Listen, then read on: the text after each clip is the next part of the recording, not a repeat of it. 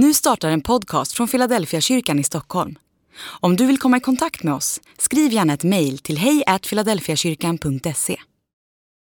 Jag, jag vet inte riktigt vilken relation du har till böcker. Vissa har ju en sån här liten hatkärlek till det. Vissa älskar ju böcker. Andra är mer så här, jag trivs att lyssna på en bok när jag är på väg till jobbet eller sitter på tunnelbanan. Eller så är man sån här som tänker, jag är lite mer en sån, ja men jag gillar att titta på tv-serier eller titta på filmer och såna här grejer.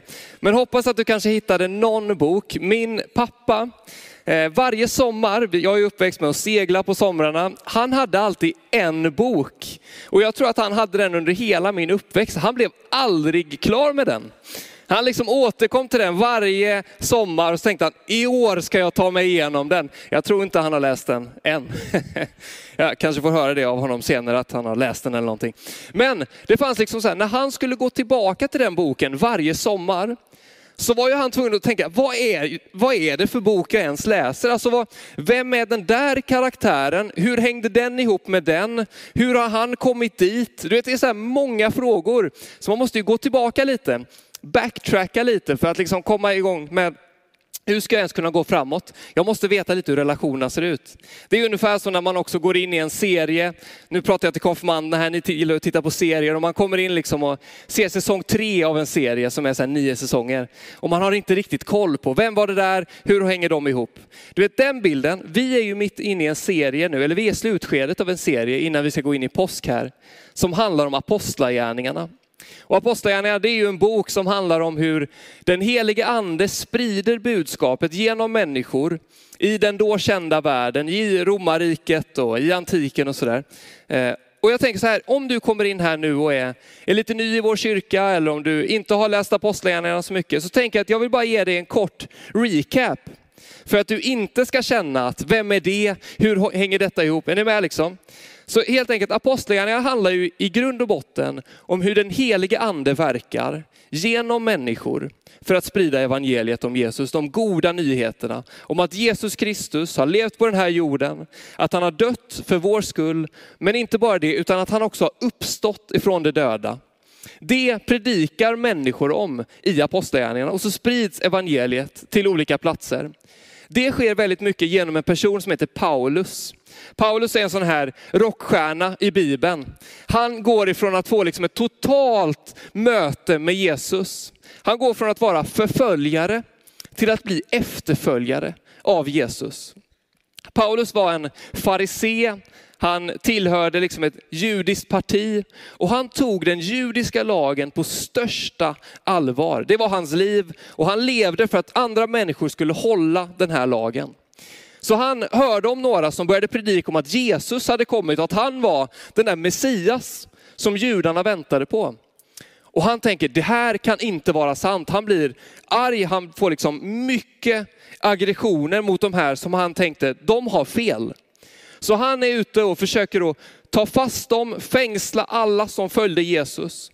Men när han är på väg till Damaskus, en känd berättelse i Bibeln, så får han möta ett ljussken och i det ljusskenet så står Jesus. Och jag tänker att han står så här med öppna armar. Och så säger han, Paulus, det är ju jag, jag är Jesus. Det är mig du förföljer. Och så blir det så att Paulus istället börjar följa Jesus och börjar predika om Jesus. Och han åker runt på olika missionsresor i apostlagärningarna. Och nu när vi ska hoppa in i kapitel 17 så har Paulus precis kommit till Aten. Och Aten det var, liksom en, det var kulturens huvudstad under antiken. Det finns ganska många likheter med Stockholm idag skulle man kunna säga. Alltså Aten och Stockholm, det finns likheter. Man ville alltid vara hipp och liksom i framkant. Stockholm är ju en sån sån. man vill gärna liksom, finns det en trend, då hänger stockholmare på den. Finns det en ny diet, då är stockholmare på den. Du vet, jag läste en studie att man testar ganska mycket trender på stockholmare. För alla ser ju, vi ser ju i princip likadana ut. Vi har samma kläder, vi ser ut på samma sätt. Så om en trend slår i Stockholm, då är det en trend. Men om inga stockholmare hänger på den, då ska man inte försöka få ut den till stora massan. Alltså det säger någonting om Stockholm, man vill gärna vara, du vet, man vill vara med, man vill vara hipp, man vill vara fräsch. Och så var det i Aten. Det nyaste för dagen, det var det som gällde. Det var faktiskt så att det var liksom det som folk ville prata om. Ah, har det hänt någonting nytt idag? Finns det något nytt sätt att tänka? Det var hett. Du vet, det nyaste, ge mig det, jag vill ha det. Kan ni se några skillnader eller några likheter med Stockholm? Jag kan se ganska många med detta. Eh, så Paulus han är helt enkelt i antikens Stockholm just nu. Han är i Aten. Alla ungdomar hade haft mittbena på sig.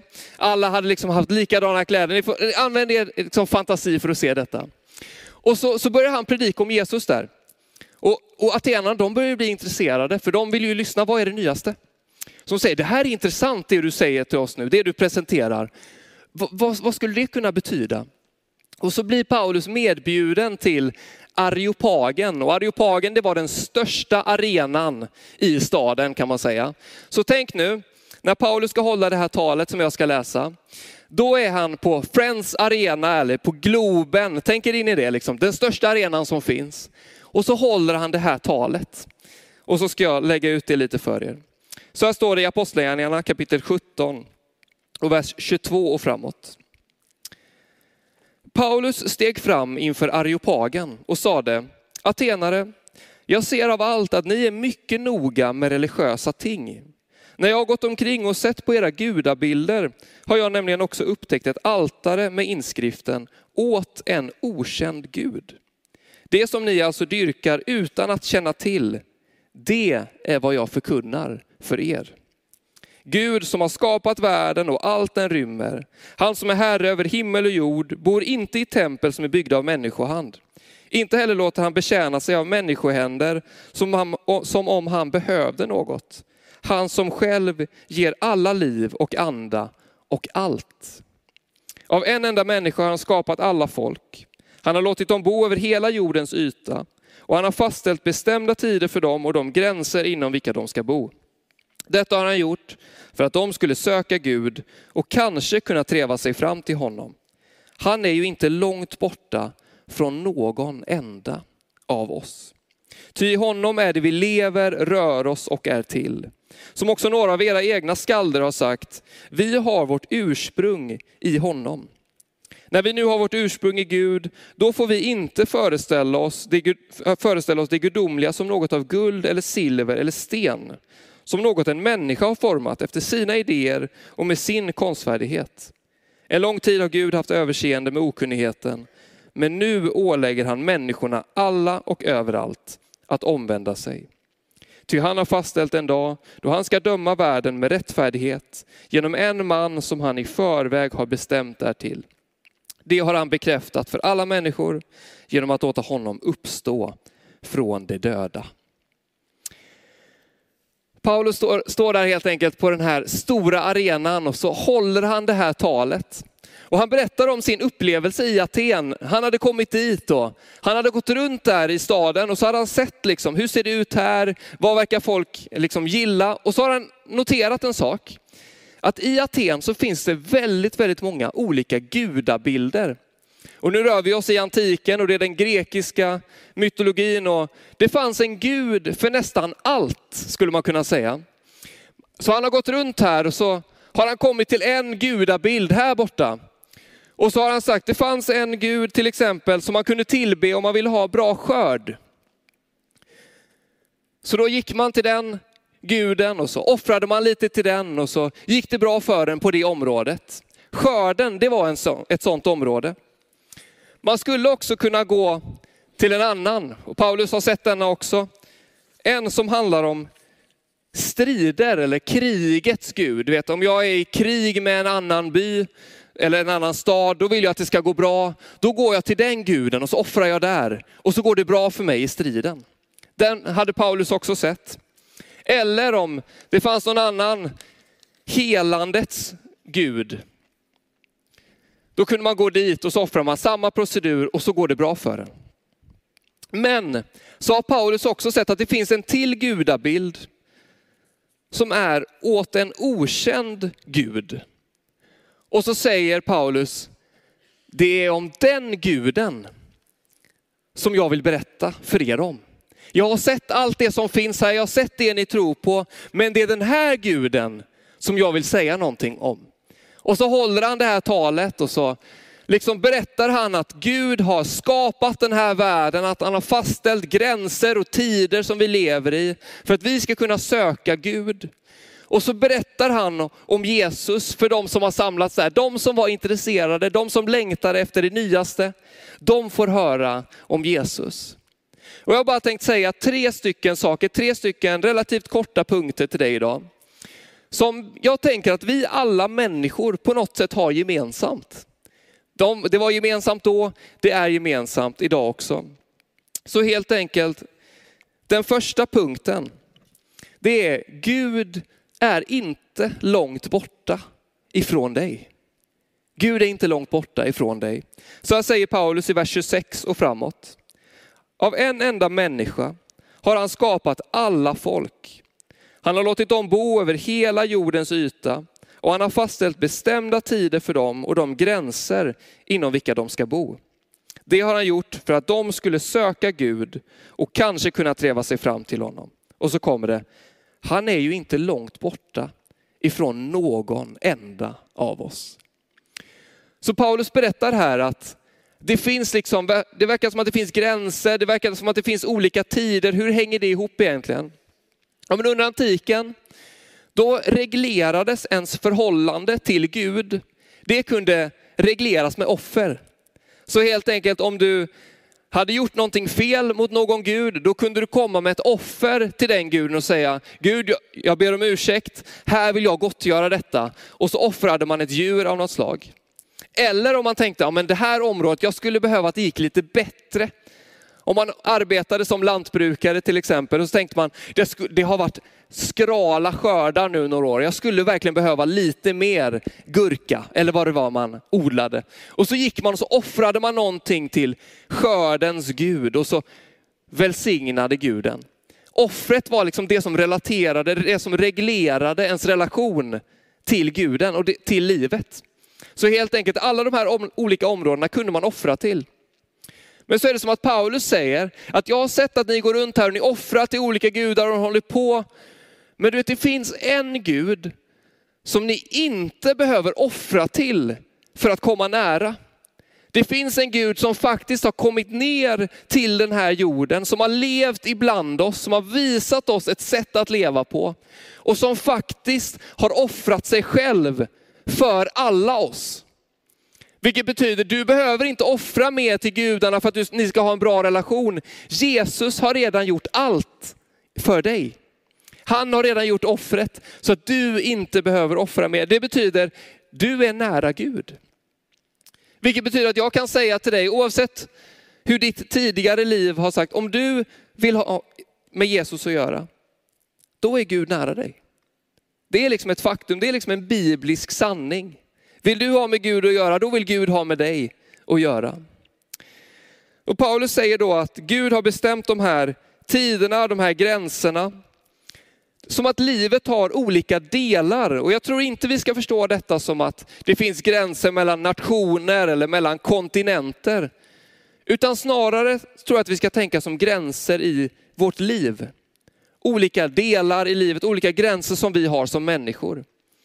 Och det jag inser är, när jag är i samtal med människor eller i mitt eget liv, det är att när vi närmar oss de här gränserna, det är då Gud är som allra närmast.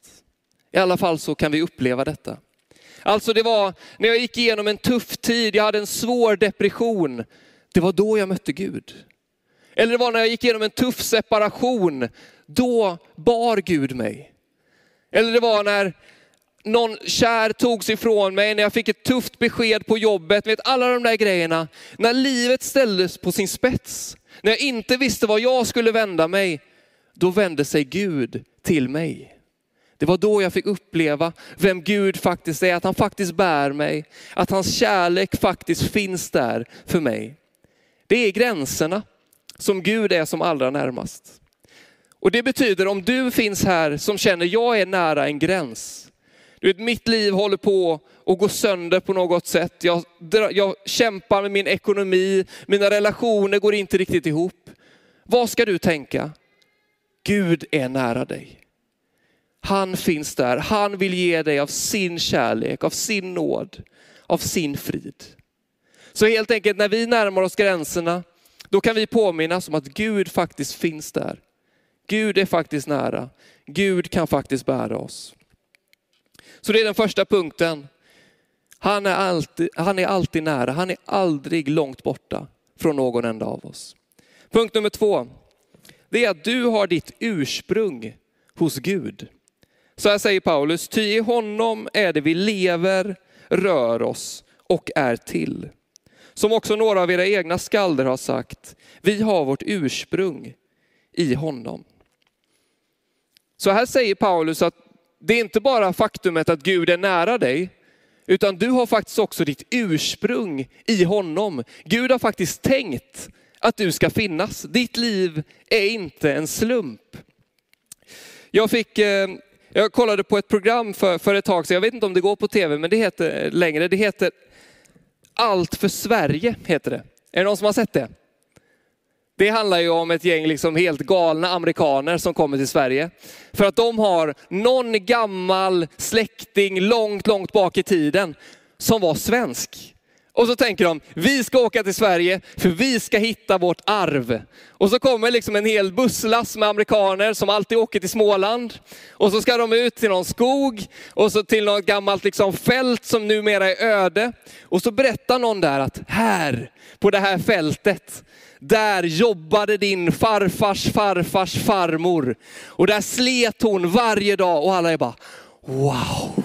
Det här är så stort. Eller du vet, det här är en spik som de byggde huset där din farfars farmors moster bodde. Wow! Du vet, allting är så ofantligt stort. Och jag tänker, när man tänker att det är stort, ja men det är stort. Men du vet, det finns ett steg till i detta som säger att det handlar inte bara om hur ser din släktlinje ut, utan vi kan faktiskt sitta här idag, eller jag kan åka till en kyrka i Afrika eller USA och känna, jag är bland vänner. Varför då?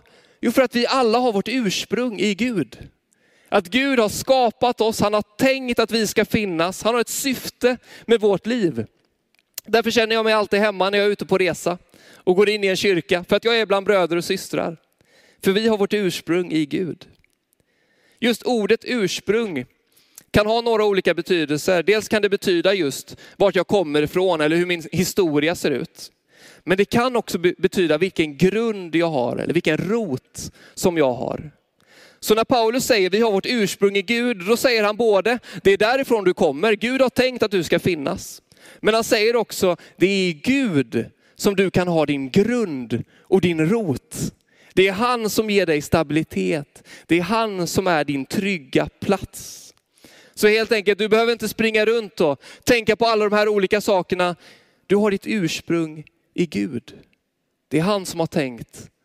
Det är han som har planen. Det är han som vet dina nästa steg. Så min andra punkt, vi har vårt ursprung i Gud. Och punkt nummer tre, vad ska du göra då? Om du inser att ja, men Gud är nära mig och jag har mitt ursprung i honom, han är min grund. Vad ska vi göra då? Då säger Paulus, vi ska omvända oss. Så här säger han i vers 29. När vi nu har vårt ursprung i Gud, då får vi inte föreställa oss det gudomliga som något av guld eller silver eller sten, som något en människa har format efter sina idéer och med sin konstfärdighet. En lång tid har Gud haft överseende med okunnigheten, men nu ålägger han människorna, alla och överallt, att omvända sig. Vad betyder omvändelse egentligen? Jo, men omvändelse betyder ju i grund och botten att jag har en riktning i mitt liv.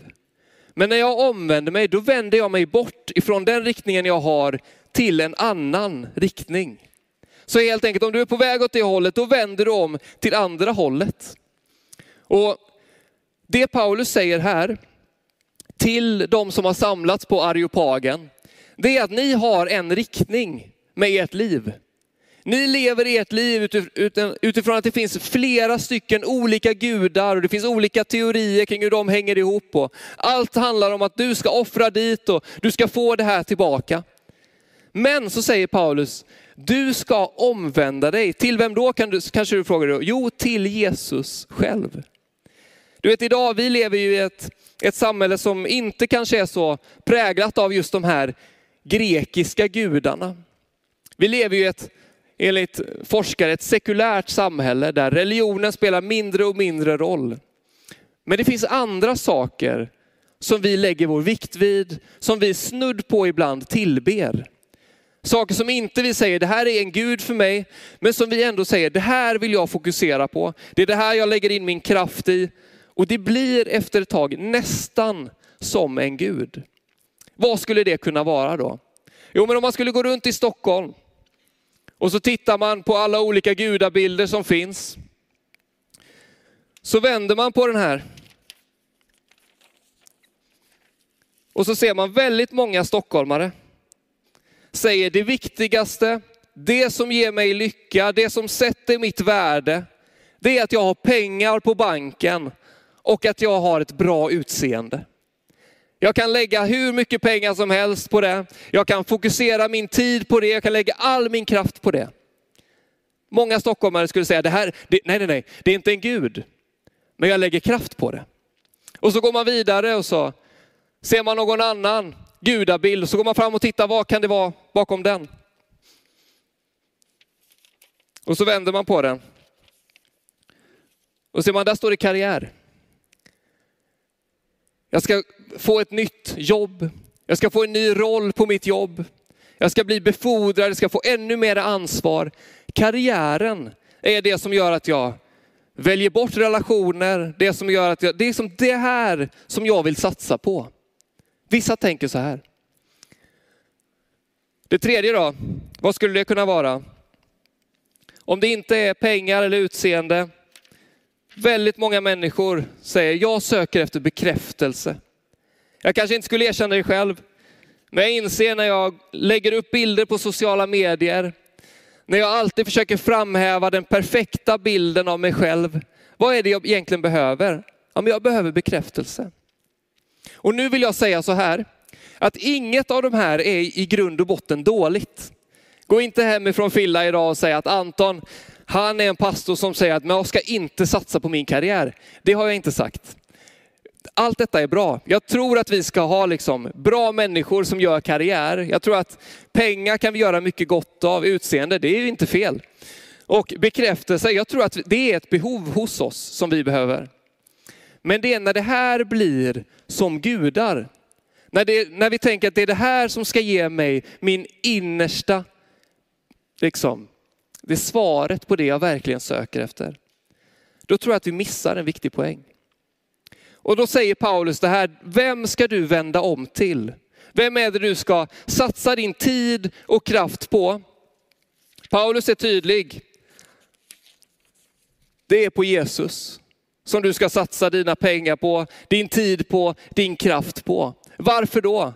Jo, för att han har fått ett möte med Jesus själv. Han har fått se vad Gud kan göra i en människas liv. Och nu är det hela hans liv att få sprida den kärleken.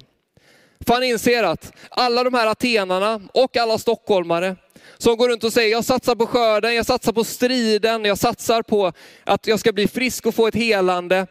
Ja, det är bra grejer. Men du kommer inte få samma tillfredsställelse, samma kärlek eller samma frid. Du hittar bara den hos Jesus. Och så säger Paulus, det är honom du ska vända om till. I Johannes evangeliet kapitel 10 och vers 9 så står det så här.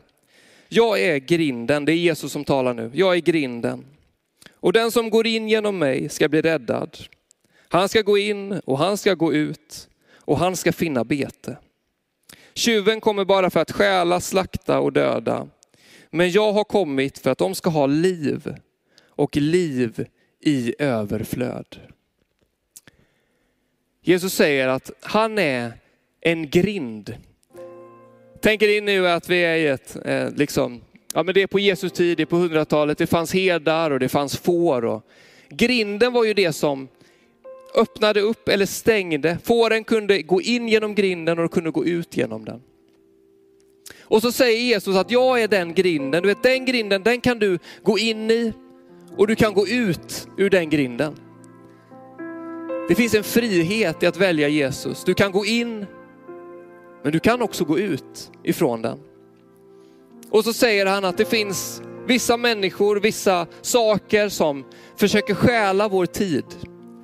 Som när vi ägnar alldeles för mycket kraft åt det, när vi tänker det är det här som är liksom det verkliga syftet med mitt liv, oavsett om det är pengar eller om det är karriären eller om det är utseendet eller vad det nu än är. Jesus säger det är till mig du ska komma. Det är jag som är den grinden. Och när du går in, vad får du då? Ja, men du får inte att du behöver offra, det får inte att du behöver kämpa vidare. Nej, du får liv och liv i överflöd. Du som finns här inne som kanske tycker det här var en jobbig predikan. Du vet, du har ägnat din tid åt pengar och utseende, eller karriären. Du vet, det är, det är inget fel på det, jag vill säga det igen. Men jag vill säga om du vill hitta den kärlek som du innerst inne behöver. Om du vill hitta en frid som går över allt förstånd. Om du vill hitta vägen till livet. Och inte bara till livet utan till ett liv i överflöd. Vad ska du göra då? Och du ska vända dig till Jesus. Du är den guden som för atenarna var okänd, han är inte okänd för oss. Han kan vi lära känna, han vill lära känna oss. Så du som finns här inne som säger, det här har jag satsat på, jag tror att jag ska vända om. Det kanske är förmiddagen för dig. När du ska vända dig till Jesus. Kanske för allra första gången. Och vi vet ju också det att omvändelse är inte alltid 180 grader. Utan omvändelse kan handla om att jag gör en liten förändring. Men omvändelsen handlar alltid om vem jag vänder mig till. Så idag kanske du bara ska göra en liten justering. Justera riktningen lite och vem ska du justera det till? Ja, men till Jesus själv. Till han som har bestämt gränser och liksom tider för oss, till han som har skapat den här världen och allt som finns i den och som ändå känner oss var och en personligen. Jag tror att Jesus är här den här förmiddagen. Jag tror att han vill möta dig precis där du är. Oavsett vad du har satsat dina kort så vill han ha med dig att göra. Varför då? Jo, för han är inte långt borta från någon enda av oss. Och han har tänkt att du ska finnas. Och du kan få ditt ursprung i honom. Du kan hitta din rot och din grund i honom. Du ska få lyssna på en sång. Och sen så ska jag öppna förbönsplatserna, men lyssna på den här sången.